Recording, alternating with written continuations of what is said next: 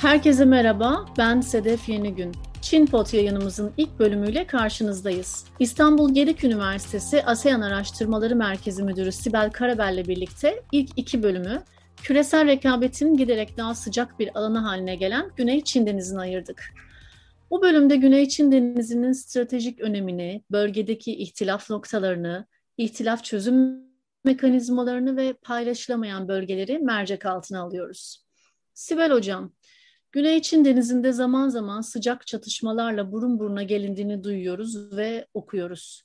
Bizim coğrafyamızdan uzak olabilir ama Asya Pasifik'in büyük ve orta ölçekli ülkelerinin gündemlerinden hiç düşmüyor bu konu ve aynı zamanda Amerika Birleşik Devletleri'nin de gerek yorumlarıyla gerek davranışlarıyla müdahil olduğu ve kuşkusuz Çin'in artan nüfus alanıyla birlikte değerlendirildiğinde de yeni bir küresel rekabet alanı olarak düşünülebilecek bu alan yani Güney Çin Denizi neden önemlidir ve biz o bölgeyi niçin dikkat izlemeliyiz? Bize anlatabilir misiniz? Evet, merhabalar. Şimpod'un jeopolitik e, serisinin ilk, ilk iki bölümünü Güney Çin Denizi'ne ayırdık. Evet, hakikaten sorunuzda bahsettiğiniz gibi e, çok fazla paydaşı olan, çok fazla aktörü olan, e, çok fazla ihtilaf noktası olan bir konu ve hakikaten e, Asya Pasifik bölgesindeki ülkelerin Covid-19 pandemisine rağmen e, gündeminden düşmeyen bir konu. Dolayısıyla hani öncelikle Güney Çin Denizi'nin temel e, tanımlamasını yapmadan önce hani coğrafi olarak stratejik önem bakımından yapmadan önce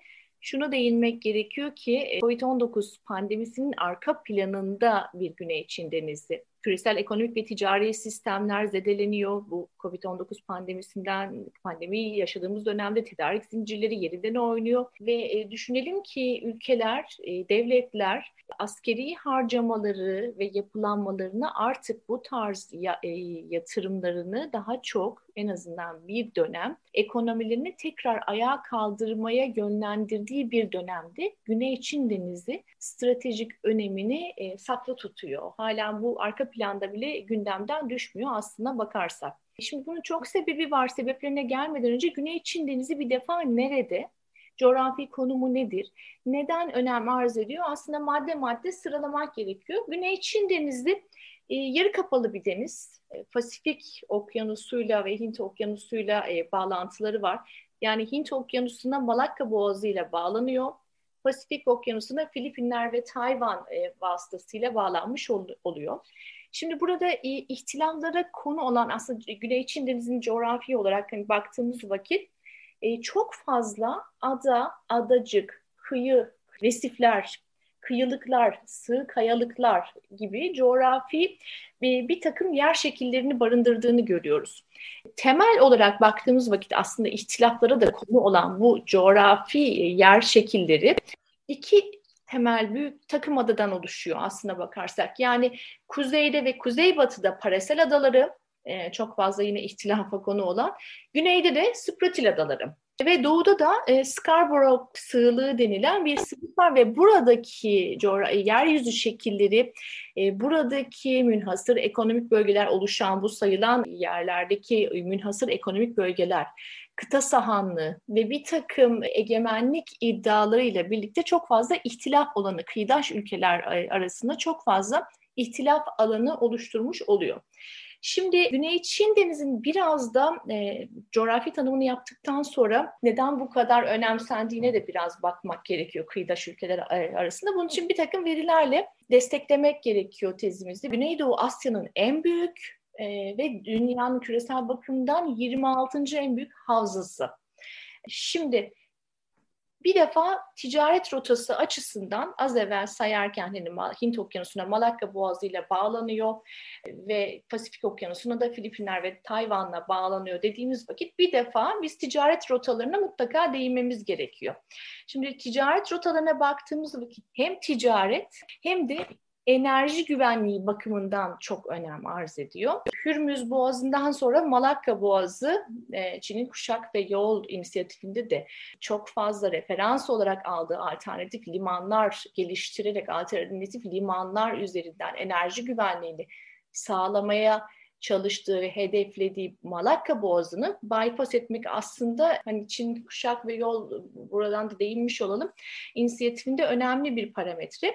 E, Malakka Boğazı'ndan ama şu bir gerçek Hürmüz'den sonra Malakka Boğazı e, herhalde en yoğun enerji akışının olduğu bir bölge ve veriler çok fazla değişiyor. Günlük e, Malakka Boğazı'ndan geçen varil e, petrol olarak geçen petrol varil bakımından çok fazla e, veriler değişiyor ama şunu bilmek gerekiyor.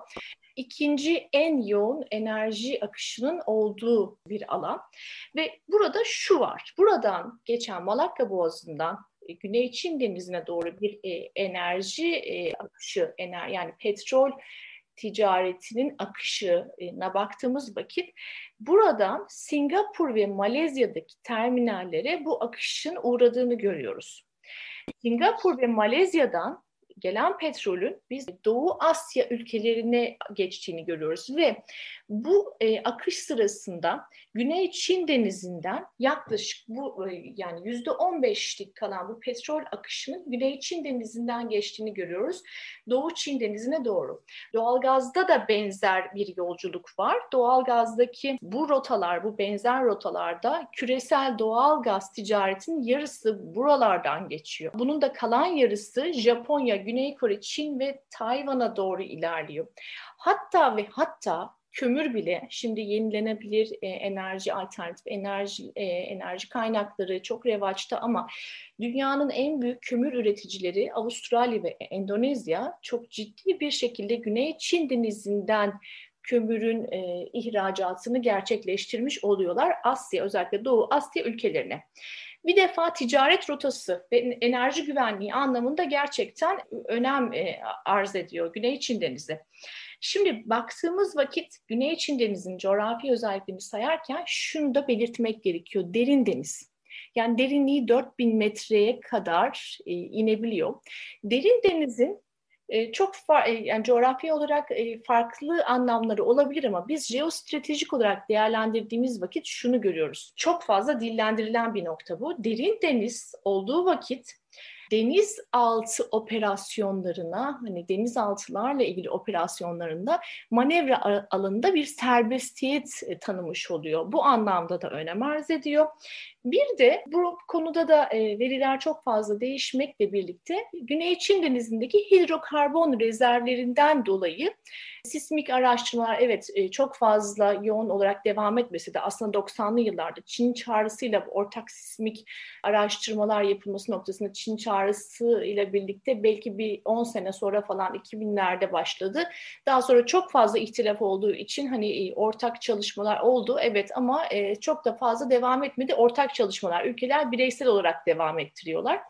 Şimdi hidrokarbon rezervlerle ilgili de Çin'in verileri farklı. Amerika Birleşik Devletleri'nin verileri birbirinden farklı. Çin şunu söylüyor. Petrol ilgili 23-30 milyar ton petrol rezervinin olduğunu söylüyor. Amerika Birleşik Devletleri yaklaşık 10-11 milyar varil petrol yani 1.7 milyar ton tonaj bakımından 1.7 milyar ton olduğunu e, öne sürüyor. Ama Çin'in verileri dikkate alınıp onunla ilgili bir öngörü yapıldığında şu rezerv bakımından değerlendirildiğinde dünyanın hidrokarbon rezervlerinin yüzde onundan yani yüzde on, yüzde on ikisi arası potansiyele sahip olduğu görülüyor. Ve e, Çin'in de yaklaşık bir bölü üçlük kısmını sağlayacağı ve karşılayacağı öne sürülüyor. Şimdi şunu söylemek zor. İkinci bölümde bunu irdeleyeceğiz. Çin neden e, bu kadar önemsiyor Güney Çin Denizi'ni ve neden burada ağırlığı, nüfuz alanını, etki alanını arttırmaya çalışıyor? Buna değineceğiz ama şunu da e, belirtmek gerekiyor. Doğrudan Çin, Güney Çin Denizi'nden enerji ihtiyacını karşılayacak olacak demek doğru bir yorum olmaz. Yani bu alanındaki uzmanlar çok daha iyi değerlendiriyorlar. Hani rezerv olması, bununla ilgili çalışmalar hep maliyet gerektiriyor rezerv, dönüştürülme süreci farklı bir süreç. Yani artık Çin'in de ekonomisinde farklı e, e, enerji kaynaklarında yöneldiği düşünüldüğünde doğrudan enerji ihtiyacını buradan karşılayacağını söylemek çok gerçekçi bir yorum olmaz. Bunun dışında Güney Çin Denizi'nin bir farklı önemi daha var. Özellikle Asya ülkeleri için aslında bakarsak bu çok önemli. Küresel balıkçılık Yani Asya ülkelerinin günlük diyetlerine baktığımız vakit deniz ürünleri çok fazla yer tutuyor. Yani şöyle söyleyelim, e, belirli veriler var. Bununla ilgili çok fazla çalışma var ve balıkçılık şundan da çok önemli. Aşırı avlanma, ve yanlış avlanma sebebiyle buradaki balık ve deniz ürünleri stokları da ve sayısı da azalmış durumda. Bununla ilgili çalışmalar da yapılıyor ama şöyle diyelim burası için e, ortalama yani Güney Çin Denizi'ndeki balık tüketimini, küresel balık tüketimine oranlarsak 2030 yılında kişi başı 41 kilo senelik olduğu hesaplanıyor. Yani dünya ortalamasının iki katından fazla olduğu öne sürülüyor. Balık tedariğinde deniz ürünü ve balık tedariğinde Güney Çin Denizi %30, %35 arası küresel balıkçılıkta böyle bir paya sahip. Şöyle söyleyelim hani rakamlar önemli ve balıkçılık gerçekten çok önemli. İngiltere ile Avrupa Birliği'nin bu çıkış anlaşmasındaki en önemli konulardan birisi balıkçılık ve balıkçılıkla ilgili kotalarda. Bunu da unutmayalım. Güney Çin Denizi'nin deniz ürünleri ve balıkçılıkla ilgili sağladığı olanaklar şöyle ki rakamlar ilginç. Orta Asya ve Avrupa'nın 3 katı kadar bu oran ve Kuzey Amerika'nın da 5 katından daha fazla bir orana denk geliyor. Dolayısıyla bu anlamda da önemli bir havza. Deniz olarak hani verdi sunduğu potansiyeller olarak önemli ama en e, fazla sayılabilecek sunduğu olanaklar bakımından bunlar sıralanabilir. Bir diğer sizin de sorunuzda ve girizgahta bahsettiğiniz bir diğer önemli noktada şimdi sorunsallara geçerken buradaki itilaf noktalarına geçerken bundan da bahsedeceğiz. E, bu ihtilaf noktalarının bir kısmı egemenlik haklarıyla bir kısmı da deniz yetki alanlarıyla ilgili haklarla ilgili iddialarla ilgili ve burada sembolik e, bir takım altını biraz kazıdığınız zaman özellikle egemenlik hakları iddialarını kazıdığınız zaman e, bu, tabii ki münhasır ekonomik bölgelerin hani buradaki sınırların verdiği bir takım haklar var ama sembolik mana da var. Yani Güney Çin denizine tırnak içinde hakim olmak, nüfuz alanını arttırmak, hele ki Amerika Birleşik Devletleri'nin buradaki sembolik seyri sefer hakkı ve uluslararası hukuka paralel bir şekilde seyri sefer hakkını kullandığını öne sürerek yaptığı eylemler yani sembolik hakikaten çok sembolik. Buradaki Çin Amerika Birleşik Devletleri rekabet alanını da derinleştiriyor aslına bakarsak. Dolayısıyla Güney Çin Denizi sadece sunduğu olanaklar bakımından materyal yani maddi olarak sunduğu olanaklar bakımından önemli değil. Diğer noktada da sembolik olarak da Asya Pasifik'te önemli bir rekabet ve nüfuz alanı olarak e, özetlenebilir. Çok teşekkürler Sibel Hocam. Tabii ki biz bu podcast'i 20-25 dakikayla sınırlandırdık ama siz bize çok genel bir çerçeve, e, çok kapsamlı ve genel bir çerçeve sundunuz. Dolayısıyla bunların her biri ayrı birer araştırma alanı. Ben şunu sormak istiyorum ikinci soru olarak. Bu bahsettiğiniz kıyıdaş ülkeler bir kapalı deniz olduğunu belirttiniz. Güney Çin Denizi'nin. Bahsettiğimiz kıyıdaş ülkeler hangileri ve bunlar egemenlikle e, ilgili tezlerini neye dayandırıyor? Çok önemli bir soru bu. Çünkü Güney Çin Denizi'ndeki bu ihtilafları anlayabilmek için bu noktaları da değinmek gerekiyor. Şimdi bütün soruna başta saydığımız o iki takımada ve o iki takımadanın etrafındaki bölgelerin paylaşılmasıyla ilgili. Şimdi burada ada, adacık ve sığlıklar var ve kıyıdaş ülkelerin tabii ki kara bağlantıları var ve ardışık ardışık sular olarak işte Birleşmiş Milletler Deniz Hukuku Sözleşmesi'nde de bahsedilen buradaki kıta sahanlığı, münhasır ekonomik bölgeler ve egemenlik hakları ile ilgili ihtilaflar var. Sıralamadan önce nerede ne var, kim kimle ne kadar ihtilafı var ve artık e, böyle buraların bir nevi ilhak edilmesi, elinden alınması yani toprak kara parçası olarak elinden alınmasıyla ilgili sorunsallar geçmişte yaşandı ve sıcak çatışmalar da oldu. Kimin kiminle nesi var onu biraz irdeleyelim. En çok dikkat çeken Çin'in işte bu dokuz meşhur dokuz kesik çizgiyle yaptığı demarkasyon ve Çin bunu neye dayandırıyor? Buna e, hakikaten yer vermemiz gerekiyor. Bunun dışında e, Malezya, Filipinler ve Endonezya'da Sabah adalarında burada deniz yetki alanlarıyla ilgili e, sorunlar var. Brunei'nin münhasır ekonomik bölgesi yani Brunei e, Güney Çin denizindeki hak e, iddia eden ülkeler arasında en sessiz ve en naif ülke olarak e, sanıyorum adlandırılabilecek bir ülke. Münhasır ekonomik bölgeyle ilgili iddiası var. E, Natuna adalarında en, en küçük ülke herhalde. Evet tabii küçük bir de burada hani e, ikinci podcastimizde bahsedeceğiz. Buradaki şimdi iki büyük güç var. Amerika Birleşik Devletleri ve Çin. Amerika Birleşik Devletleri'nin buradaki ilgisinin neden arttığından da bahsedeceğiz. Burada Çin ve Amerika Birleşik Devletleri ile bu ülkelerin ilişkilerini dengeleme çabası var. Brunei'de yani rotasını daha çok Çin'e çevirmiş gözüküyor bu manada. Dolayısıyla ülkeler kendi münhasır ekonomik bölgeleriyle ilgili ve egemenlik haklarıyla ilgili e, haklarını, söylemlerini dillendirirken bile bu dengeyi de gözetiyorlar. Burası sadece Çin ve Amerika Birleşik Devletleri arasındaki ya da Çin'in farklı buradaki e, hak iddia edilen ülkelerle ilgili sorunlarının öne çıktığı bir bölge değil, burada birbiri içine girmiş karmaşık müttefiklik ilişkilerinin e, olduğu öne çıktığı da bir bölge aslında bakarsak. Endonezya Güney Çin denizinde doğrudan bir hani hak iddia eden ülke değil ama Çin ve Endonezya arasında NATO adlarında balıkçılık bu saydığımız balıkçılık kullanım alanlarıyla ilgili e, sıkıntılar var. Vietnam, Çin, Filipinler arasında Palawan adacığıyla ilgili deniz yetki e, alanı hakları ile ilgili sıkıntı var. Parasel adaları bu saydığımız Çin, Tayvan, Vietnam arasında ve Filipinler Çin arası 2013'te Filipinlerin Uluslararası Tahkim Divanı'na başvurduğu ve 2016'da da Filipinler Uluslararası Tahkim Divanı'nın Filipinler lehine yorumladığı bu başta da saydığımız hani Güney Çin Denizi'nin doğusunda bulunan Scarborough sığlığındaki egemenlik iddiası aşağı yukarı Güney Çin Denizi'ndeki en belirgin ve en temel ihtilaf alanları bu noktalar. Şimdi ülkeler neyi gerekçelendirerek nasıl bunu öne sürüyorlar buna bakmak gerekiyor. Ama öncesinde biraz e, bu ihtilaf alanlarının ilişkilendirirken neler olmuş, neler bitmiş aslında gerçekten sıcak çatışmaların olduğu da alanlar. Buna bakmak gerekiyor.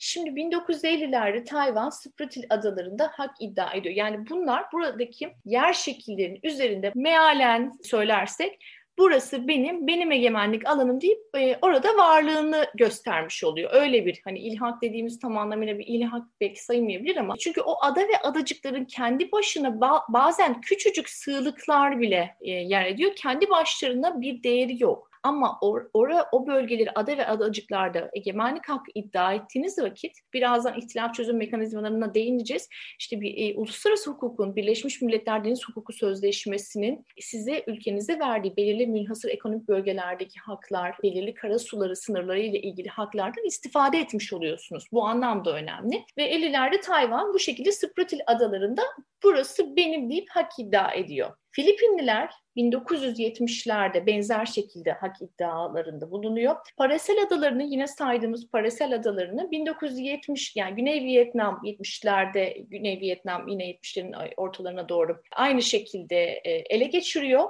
Çin dikkat edersek Çin burada biraz sonradan gelen 74'te Vietnam'ın elinden alıyor Parasel adalarını ve halen hani günümüze kadar devam eden bu parasal adaları ve etrafındaki kıyı kıyıcıklarla ilgili e, sıkıntıların hani temeli aslında o dönemlerdeki yani 70'lere kadar dayanıyor öyle diyebiliriz. Malezya'da son zamanlarda burada etkinliğin, aktivitesinin arttırdığı sayı, sayılabilir. Özellikle diplomatik anlamda. 83'te sonra 86'da iki tane daha e, ada, ada, adacık küçük sığlıklarda hak iddiasında bulunuyor ve buraları e, ele geçiriyor. Çin biraz daha dediğim gibi sonradan gelen ama ilginç durumlar var. Hani böyle burada kritik temel noktalarda çatışmalarda e, sıcak çatışmalar da olabiliyor çünkü e, önemli dönüm noktaları var. İşte Vietnam'dan 1974 1974'te egemenlik iddiasıyla Vietnam'ın işte elinden alması parasel adalarını ve 80'lerin sonlarına doğru Fiery Cross sığıylı e, denilen bir yerde yine aynı şekilde bir sığlıkta varlığını ortaya koyması ve çok önemli ilk defa bir ASEAN ülkesiyle Filipinler'de bu çok meşhur yani Güney Çin Denizi'nde çok fazla referans verilen bir durum. Çünkü sıcak çatışma yaşanıyor. E, 1995'te e, Mischief Resifinde Filipin'le e, sizin de sorunuzda bahsettiğiniz gibi burun buruna geliyor. Uzun süren bir e, işte karşı karşıya gelme yaşanıyor. Ve, ve burada hani 1995 dönüştürücü bir etki, 1995'teki vaka dönüştürücü bir etki oluşturuyor. Bir takım farklı faktörlerle de birlikte ikinci podcastimizde bahsedeceğiz. Amerika Birleşik Devletleri artık daha fazla müdahil olmaya başlıyor Güney Çin Denizi'nde. Sıcak çatışmaların e, olduğu durumlar ve hani burun buruna gelinen noktalar aslında e, temel olarak aşağı yukarı bu şekilde süremiz de kısıtlı olduğu için böyle hap şeklinde kısa kısa bahsetmek daha yerinde olacak. Şimdi kim neye dayandırıyor? Buna biraz girelim. Kim neye dayandırıyor? E, en fazla Güney Çin Denizi dediğimiz zaman akla ilk gelen ülke Çin e, hakikaten. Şimdi Çin'in dayandırdığı noktalar bir defa Çin şunu diyor. 2000 sene kadar önce biz Güney Çin Denizi'nde balıkçılık gerek balıkçılık e, gerek farklı denizcilik faaliyetleriyle birlikte hepsi bizim edebiyatımızda, tarihi kitaplarımızda biz, e, mevcut. İmparatorluk döneminden beri Güney Çin Denizi'ni aktif olarak kullanıyoruz diyor. Bir defa tarihsel kanıtlarla Güney Çin Denizi'nin kendi egemenlik hakkında e, hakkı olduğunu e, öne sürüyor ve meşhur 9 çizgi demarkasyonu daha sonra 11 çizgiye çıkıyor ve daha sonra tekrar o 9 çizgiye e, indiriliyor. Bir defa bu e, eski hanedanlıklar zamanına kadar götürülebiliyor. Bu 14. 15. E, yüzyıllarda keşifler e, yapılıyor. Hakikaten Çin coğrafi keşiflerde hani denizcilikle ilgili ekipmanlarını gel- geliştiriyor ve bu keşiflere atıf var. Bunun dışında e, ilginçtir 1877'de İngiliz yani Birleşik Krallığa ilk e, büyük elçisi Çin'in şöyle bir deklarasyonda bulunuyor. Parasel adaları Çin'e ait. Bu resmi deklarasyonda bunu yayınlıyor. Daha sonra tekrar Çin e, 1883'te Almanya Parasel ve Spratil adalarına Almanya'nın o dönemdeki Almanya'nın belli sismik e, araştırmalar için e, ekipman gönderdiği ve Çin tarafından protesto edildiği belirtiliyor. Tarihsel dokümanlarda bunlara çok fazla değiniyor Çin ve Çin hanedanlığı e, zamanında ilk resmi e, buradaki tatbikat yani Parasel adalarındaki tatbikatın 1902 yılında olduğu ve askeri gemilerle gerçekleştirildiği bildiriliyor. Yani Çin'in bu e, çok fazla tarihsel referansı var bu noktada. Aslında bakarsak Çin Halk Cumhuriyeti'nin kurulmasından önce de 1947'de Çin burada hak iddiasında bulunuyor. Yani daha Çin Halk Cumhuriyeti olmadan önceki Çin'de ilginçtir. Çok ilginç bir nokta bu.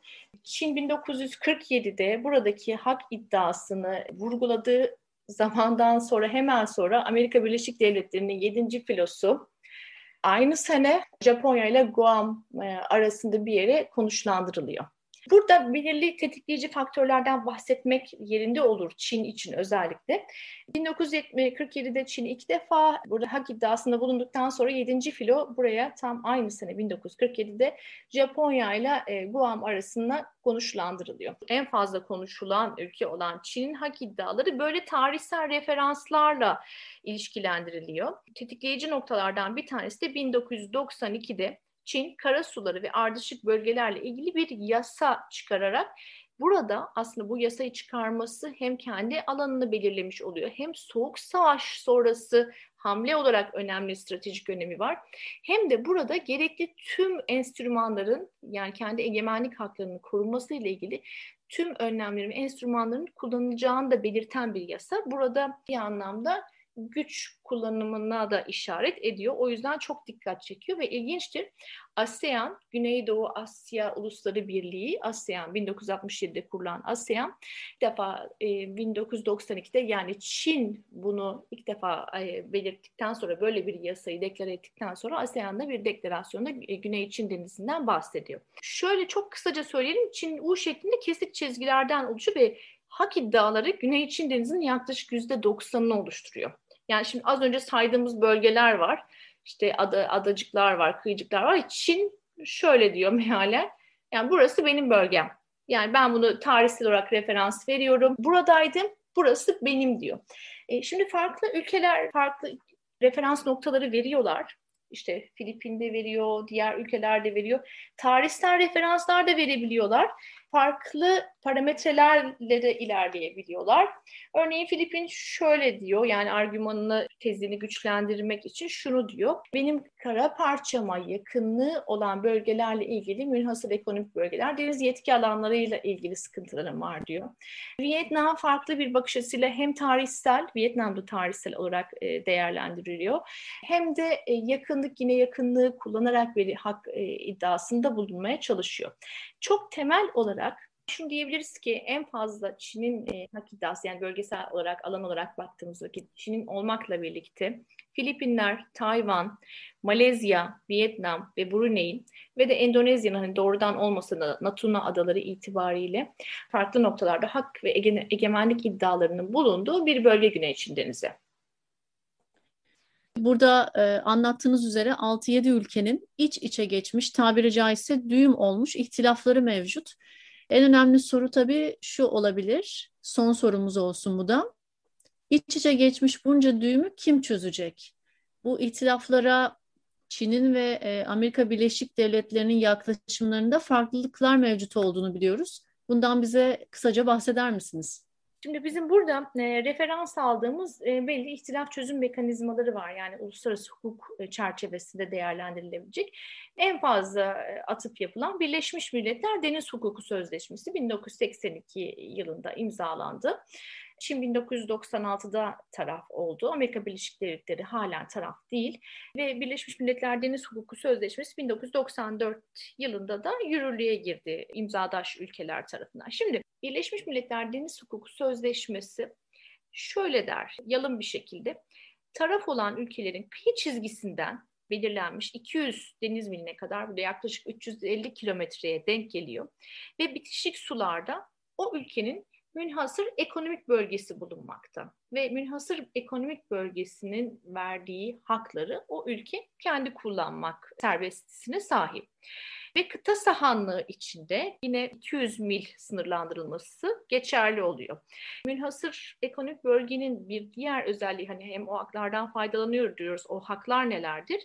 Doğal kaynaklar. Şimdi bu bahsettiğimiz doğal kaynakların keşfi, işletilmesi ve idaresiyle ilgili egemenlik haklarına da sahip olmuş oluyor o ülke. Dolayısıyla en fazla yani Güney Çin Denizi'ndeki ihtilaflarda, anlaşmazlıklarda en fazla bahsedilen ve konu edilen durum, husus münhasır ekonomik bölgelerdir egemenlik haklarıyla birlikte paralel bir şekilde değerlendirilebilir.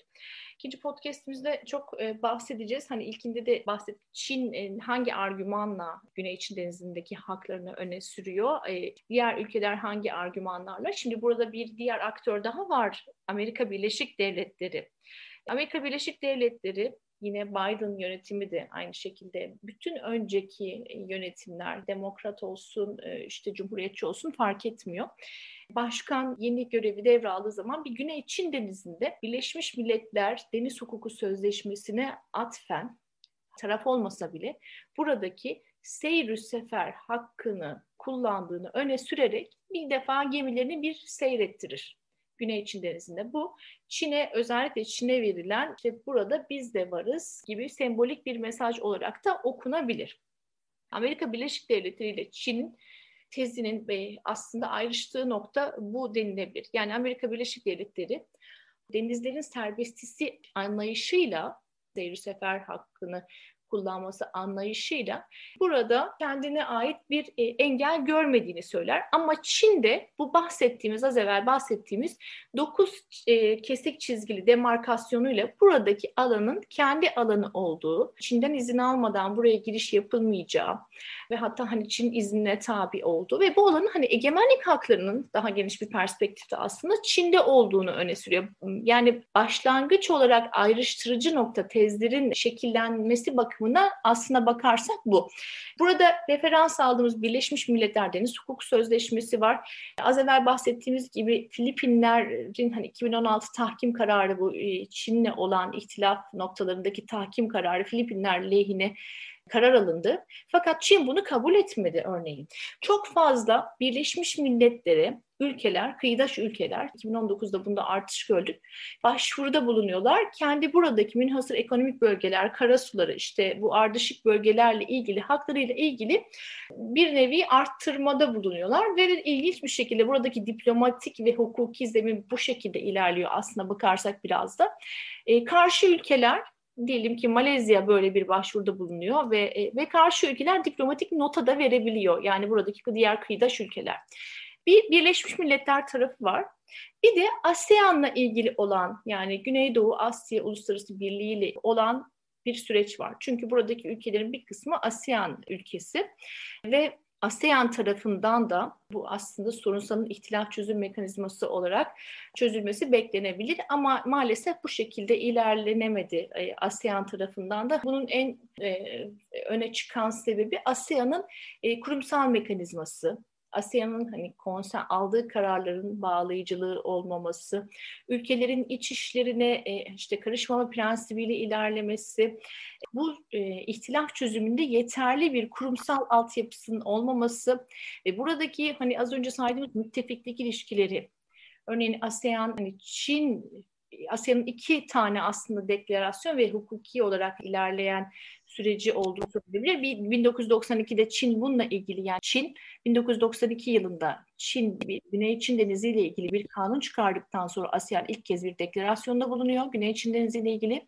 Bir de ASEAN için bir diğer nokta Güney Çin Denizi'nde özellikle Çin'i de ilgilendiren nokta 2002 yılında tarafların davranış bildirgesi bir e, yani yürütme mekanizması halen gerçekleştirilebilmiş değil. Ama en azından bununla ilgili yapılan bu bildirgenin e, aktif hale getirilmesiyle ilgili hani Vietnam'ın çok fazla çabası olduğunu biliyoruz kendi dönem başkanlığında. Ama henüz bir sonuç elde edilmiş değil. Yani bizim hukuki... ASEAN ülkeleri... Buyurun. Pardon özür dilerim böldüm. Buyurun. Bunlardan hangileri ASEAN ülkeleri? İtilafa konu olan ASEAN Vietnam, ülkeleri? Filipinler, Brunei, Malezya. Yani altı ülkenin dördü aslında Evet. ASEAN ülkesi. Evet, aynen o şekilde. Evet. Ve Çin'in de e, ASEAN'la olan e, ilişkileri, ekonomik özellikle ticari ilişkileri çok hızlı bir ivme aldı son dönemde. E, buna ilaveten Çin'in ASEAN ülkeleriyle hani birebir ilişkileri bu say- saydığımız ülkelerle ilişkileriyle de ekonomik bağlamda boyut değiştirdi diyebiliriz. Özellikle 2000'ler, 90'ların ikinci yarısı ve 2000'lerden itibaren. Bunları da göz önünde bulundurmak gerekiyor hakikaten. Amerika Birleşik Devletleri'nde bu ASEAN ülkeleriyle ilgili hem siyasi hem askeri hem ekonomik ilişkilerini çeşitlendirme çabası özellikle Obama'nın Asya pivotuyla birlikte farklı bir yerde. Dolayısıyla hani buradaki hukuki çözüm mekanizmalarının sizin sorunuzda sorduğunuz buradaki düğümleri kim çözecek, buradaki iç, iç içe geçmiş bu ihtilaf alanları, sorunsal zinciri diyelim nasıl çözülecek? Yani çok kısa vadede, orta vadede çok çözülecek gibi durmuyor açıkçası. Çok teşekkürler Sibel Hocam. Bu bölümde Güney Çin Denizi'nin stratejik önemini ve ihtilafları mercek altına aldık. Kullandığımız anahtar kavramlar küresel ticaret rotaları, enerji güvenliği, doğal kaynaklar, derin deniz, balık tedariği, deniz yetki alanları ve nüfus alanları rekabeti şeklinde sıralanabilir. İkinci bölümde görüşmek üzere.